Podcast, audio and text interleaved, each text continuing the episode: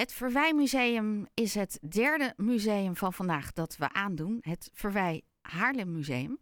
Er is van alles te doen de komende weken, dus laten we snel van start gaan. Aan de telefoon directeur Laura van der Weijden. Hele goede morgen. Goedemorgen. En dan doen we het gewoon in één keer goed. Het is Verwij Museum Haarlem. Oh, ja, ik dacht, uh, ik zit Haarlem verkeerd op de verkeerde plek neer. Ja, maakt niet uit. Maakt niet uit. Het is een samenvoeging van Museum Haarlem, wat we voorheen waren. Uh, het Stadsmuseum zijn we nog steeds. We hebben Verwij ervoor geplakt omdat we sinds uh, twee jaar ook ruimte, permanente ruimte hebben vrijgemaakt voor de Haarlemse schilder Kees Verwij. Ja, en daar zijn jullie gisteren met een nieuwe tentoonstelling mee begonnen. Bloem, zonder hoofdletter? Bloem. Ja, ja Bloem. Uh, Kees Verwij is uh, heel erg bekend om zijn uh, bloemstukken, zijn schilderijen en aquarellen over met bloemen, thema bloem. En we hebben zijn werk nu samengevoegd, samengehangen. En dat is best wel heel erg spannend met vier hedendaagse kunstenaars die ook met bloemen met de natuur tekenen. En dat zijn Mark Mulders en uh, Ronald Suurmond, Maaike Schorel en Evie Vingeling. En hebben zij allemaal andere, ja, andere technieken weer gebruikt dan Kees Verwij? Ja, dat, uh, uh, ik zou zeggen, ga langs, kom kijken, want het zijn totaal verschillende kunstenaars. Die iedereen, ieder op zijn eigen manier, op een andere manier ook met, met de kunst omgaat. met schildertechnieken het is echt een waanzinnig mooie tentoonstelling geworden. Nou heeft hij ontzettend veel schilderijen gemaakt met bloemen, stillevens. Hoe hebben jullie daar een keuze uit kunnen maken? Dat is altijd een, een enorme klus. Uh, een uitdaging, kan je het ook wel noemen. Uh, in dit geval hebben wij uh, Paulien die als gastcurator ingehuurd. En zij is het depot ingegaan en heeft uh, de vele schilderijen bekeken en met in haar achterhoofd het werk wat ze van de hedendaagse kunstenaars wilde laten zien, heeft zij uh, daarop haar keuze bepaald. En tot wanneer is deze tentoonstelling te zien? Deze, komt, deze loopt tot het eind van het jaar. Oh, okay. Of eigenlijk begin januari, net na de, net na de uh, kerstvakantie, wordt hij weer afgebroken. Maar hij is dus de komende maanden bij ons te zien. De vorige tentoonstelling ging over het uh, atelier van Verwij. Toch? Dat was alweer eentje daarvoor. Oh. Hier tussendoor hebben we nog gehad binnenkijk. Verwij, het werken van Kees Verwij samen met het werk van Maria Vastchuk, een Haarlemse Oekraïense kunstenares. Het, ze worden wel steeds uh, goed bezocht, deze tentoonstellingen, waar Verwij steeds de rode draad is. Ja, ja. En uh, we, we, merken absoluut dat vanuit heel Nederland mensen uh, geïnteresseerd zijn in Verwij en speciaal daarvoor ook naar, uh, naar Haarlem komen. Ja, leuk is dat. Jullie hebben nog meer te zien, namelijk ook de Tae Chong King, die is 90 jaar. En, hij, hij, hij, wordt 90 hij wordt, jaar. Ja, hij wordt 90 jaar en ja. Ehm, jullie besteden veel aandacht aan zijn werk en dat steeds met een iets andere blik daarop. Nou, wat wij hebben gedaan is, we hebben een uh, tentoonstelling gemaakt over zijn uh, hele oeuvre. Uh, zijn eerste tekeningen die hij, hij komt uit Indonesië, de eerste tekeningen die hij daar nog in zijn jeugd gemaakt hebben, zijn bij ons te zien. En dan pakken we zijn hele leven lang, zijn hele carrière door. En die is eindeloos lang, want hij tekent gewoon echt nog elke dag. Er staan nog twee boeken op stapel die hij dit jaar hoopt uit te geven. Dus hij is nog echt uh, elke dag bezig. Maar dus zijn hele leven is bij ons te zien in de verschillende periodes en fases die hij heeft doorgemaakt. Hij is uh, begonnen ook als striptekenaar, werd op een gegeven moment een beetje moe van het tekenen binnen de vierkante uh, kaderrandjes. Is daarna gaan illustreren, is voor heel veel kinderboeken gevraagd. Heeft ook zijn eigen kinderboeken gemaakt. En op dit moment is hij met Arnold Kruenberg bezig.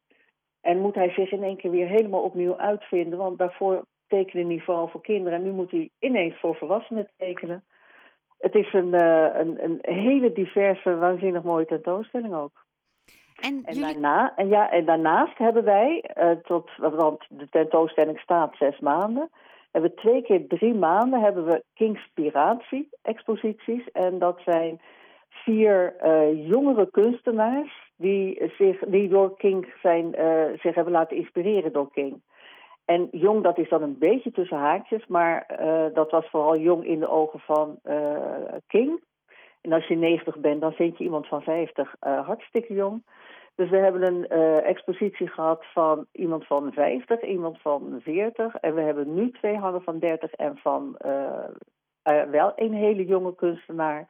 Branko Suikerbuik, hij is net 18 geworden, komt uit Venlo. En hij correspondeert heel vaak met King. Heeft van King geleerd dat je uh, kan leven van het tekenen. En uh, dat doet hij uh, Branko op een ontzettend mooie manier ook. En dan hebben jullie ook nog op de rug van Biki Kaiman. Want we vieren de, of de afschaffing van de slavernij. En wij hebben met uh, Henna en uh, He Henna Hedi, nou nee, ik moet het even goed zeggen. Uh, Henna Goudzand en Hedi. Tijn? Nou, dan ben ik, ja, die zijn beide, hebben zij het boek gemaakt op de rug van de, Bikkie Keiman. En op basis van dat kinderboek hebben wij de tentoonstelling samen met hun gemaakt.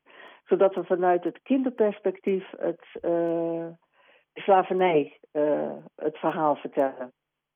En dat gaat over tot slaafgemaakte kinderen. En, um, en wat dat betreft biedt het ook een perspectief voor kinderen vanaf vijf jaar om dat wat begrijpelijker te krijgen wat er toen is gebeurd. Ja, ja klopt. Het is echt helemaal. Het is voor uh, uh, kinderen vanaf vijf tot nou, 10, 11, 12.